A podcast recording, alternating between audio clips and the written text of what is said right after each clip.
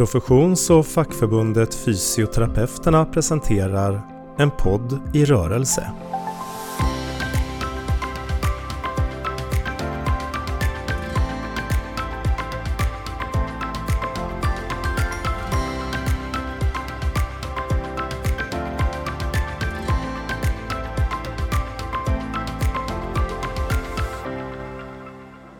Idag så ska vi prata om eh, historiska vingslag inom fysioterapin och då har jag glädjen att här träffa Kristina Opava, professor i fysioterapi vid Karolinska institutet.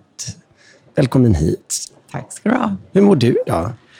Ja, jag är ganska uppspelt. Jag ska ju hålla både inspirationsföreläsning och få tala om min karriär som snart är slut, åtminstone yrkeskarriären. Så det känns jätteroligt. Kul. Ja, vi befinner oss ju mitt på fysioterapi 2019. Och vi har sålet runt omkring oss och igår hade vi en inledningsdag. Eh, och eh, då fick jag ju eh, glädjen att lämna över det fina pris som du egentligen hade fått, eller det var du som fick det, på världskongressen i Genève i maj. Leadership Award 2019 från WCPT. Ett väldigt, väldigt fint pris.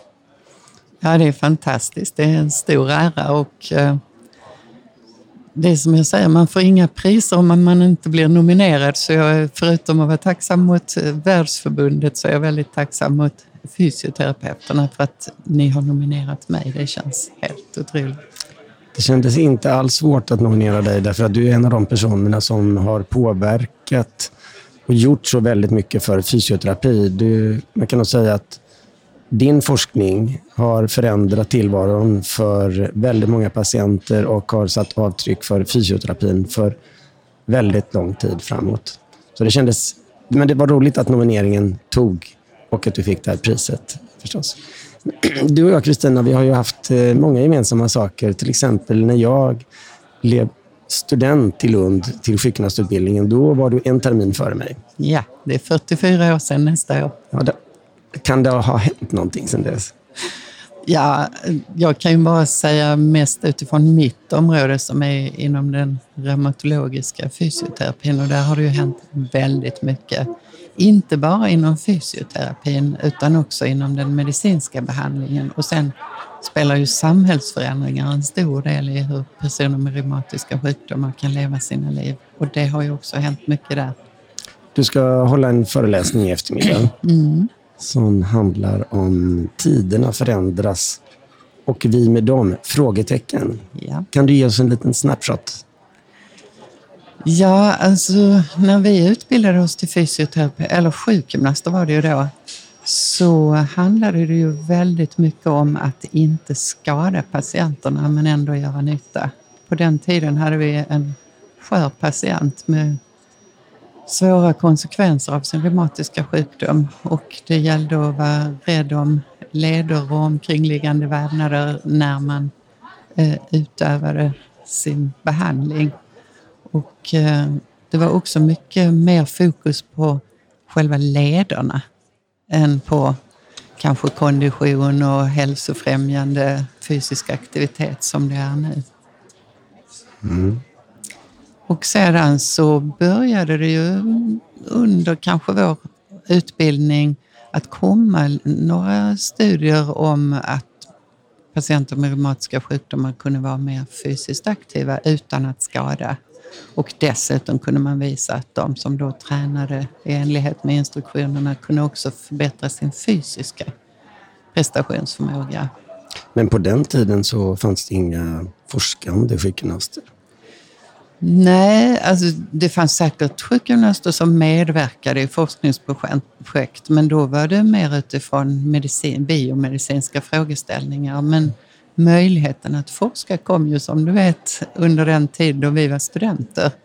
Så att det kom en reform, Vård 77, som sjösattes 1978 och då blev det möjligt för oss med medellång vårdutbildning, som det hette på den tiden, att ta en överbryggande fördjupningskurs och eh, kunna registreras för forskarutbildning. Problemet var bara att det dröjde ett antal år innan den där överbryggande fördjupningskursen kom till. Först i Lund och sen i Stockholm, där jag gick den första då på Precis. KI. Och vi har ju båda haft eh, professor Ulrik Moritz som ett Ja. stort föredöme. Absolut. Han spelade väldigt stor roll för att det skulle kunna bli möjligt för sjukgymnaster att börja forska. Ja, och han har ju varit otroligt stöttande för sjukgymnastisk forskning. Och han har varit viktig för mig personligen, för han visade mig på möjligheten till forskning redan när jag var ut, utbildade mig till sjukgymnast. Mm, för då hände någonting. Ja, då fick jag ju ledgångsreumatism och då blev det diskussion på utbildningen, bland annat med Ulrik då, om att eh, jag kanske skulle avbryta för man tänkte att sjukgymnastik var inte ett lämpligt område ifall man själv hade ledgångsreumatism. Och eh, det var då han sa att han tyckte att jag skulle fullfölja utbildningen och att jag säkert skulle vara en lämplig kandidat för forskarutbildning. Och det tyckte du självklart direkt. Ja, ja, men det lät ju väldigt spännande. Och också för mig, kan jag säga, om jag ska vara ärlig, då, ett sätt att kunna stanna kvar i yrket även när jag inte manuellt och fysiskt kunde utöva, utöva det. Är det lite av det här du kommer att berätta om i din berättelse i eftermiddag? Ja, jag kommer att, för att det ska bli lite kött och blod, så kommer jag att berätta om tre kvinnor i min släkt i tre olika generationer som har alla fått RA i tidig, eh, tidiga tonåren. Och eh, en av dem är då förstås jag själv. Och eh, vad slutresultatet, eller till dags dato i alla fall, har blivit på grund av hur läkemedelsbehandlingen var, hur rehabiliteringen såg ut, men också hur samhället såg ut. Så den äldsta då, det är min fars syster Anna som är född på sena 20-talet. Och eh, hon fick ju i princip magnesyl kan man säga när det gäller läkemedel. Och sen åkte hon till reumaten i Lund som det kallades då och låg inne fyra, fem, sex veckor och jag tror det var en kombination av husmorssemester, rehabilitering och sen kom hon ofta hem med något hjälpmedel som underlättar hennes vardag. Tvättmaskin, hushållsassistent. Och så fick hon åka på utlandsvård, vilket var nog första och enda gången hon var utomlands överhuvudtaget. För hon var, hade ingen utbildning utöver folkskola. Hon var gift med en lantbrukare. Hon gifte sig väldigt ung, fick fyra barn i rask takt men var tvungen att delta i arbetet på lantbruket. Så redan när jag var barn var hon ganska destruerad i sina leder och sen dog hon, kan jag tycka, lite för tidigt i komplikationer till sin ära som ju är vanligt i form av mm. sjukdomar. Och sen har jag ju själv då, jag har ju haft nytta av modern läkemedelsbehandling. Eh, och det här med att man kunde börja med dynamisk träning och rehabilitering. Även om det har varit svårt eftersom innan jag fick tillgång till riktigt effektiv behandling så hade det gått 25 år så att jag har ju ändå destruktioner i mina leder och så. Och sen är det då min fars äldsta brors barnbarn, hänger med? Mitt kusinbarn. som eh, fick sin ära på det här årtusendet och eh, redan i tonåren, när hon kanske var 15, så fick hon modern och effektiv läkemedelsbehandling. Och dessutom så var hon redan väldigt mycket igång med fysisk aktivitet och hennes fysioterapeuter på barnreumatologen uppmanade, eller uppmuntrade det och uppmanade henne att fortsätta. Så att hon har i princip inga, eller väldigt små besvär av sin sjukdom. Och har utbildat sig till socionom och, eh, men jobbar som personlig tränare och löpcoach. Fantastiskt. Mm. Vilken utveckling. Ja, det är fantastiskt. Fantastisk berättelse och du gjorde den verkligen i kortformat här nu. Så jag funderar på hur har det påverkat dig och din forskning att du själv har den här sjukdomen och själv har erfarenhet av att vara patient? Ja, det har ju påverkat min forskning så... Alltså när jag beskrev det här att först ville man visa att fysioterapi inte skadar patienterna och sen visade man på de fysiskt goda effekterna av träning så har ju jag redan från början varit väldigt intresserad av hur det upplevs av personer som har en kronisk sjukdom att själv kunna göra en insats för sin hälsa. Så att jag var ju tidig med frågeformulär. Jag var den första person överhuvudtaget på Karolinska institutet som hade ett kvalitativt delarbete i sin avhandling. Vilket var stor sak på den tiden. Mina handledare var ganska oroliga. Mm. Och jag fick ha sex delarbeten i avhandlingen istället för fem som var vanligt på den tiden. För den kvalitativa studien kunde inte riktigt räknas. Otroligt. Ja. ja. Så på det sättet har tiderna förändrats en hel del nu också? Ja, för nu är det ju väldigt många som, av våra kollegor som forskar och som använder kvalitativa metoder. Mm. Och det är ju svårt att tänka sig att man förut tänkte att patienter skulle träna och vara fysiskt aktiva utan att veta hur ser de på det och hur ska vi sälja in det till en person som kanske aldrig har varit fysiskt aktiv och så får man jätteont i lederna och vill bara vila för man är trött också. Och så ska man börja träna. Hur upplevs det? Hur tänker de? Var kan vi nå dem? Och, och hur ska vi göra det personcentrerat? Då måste man veta om patienternas perspektiv. Och det visste jag ju tidigt på något mm. sätt, rent intuitivt. Du har haft en stor nytta, om man får säga så, av att vara att ha erfarenhet som patient? Ja, det har jag. Men på kanske bekostnad av att jag trodde mig veta väldigt mycket. Jag kan önska nu i efterhand att jag hade varit lite mer nyfiken än att vara, redan veta och så skulle det bevisas. Mm. Även om jag har förhållit mig i forskningen så som man ska, det vill säga att man inte har för mycket bias. Mm.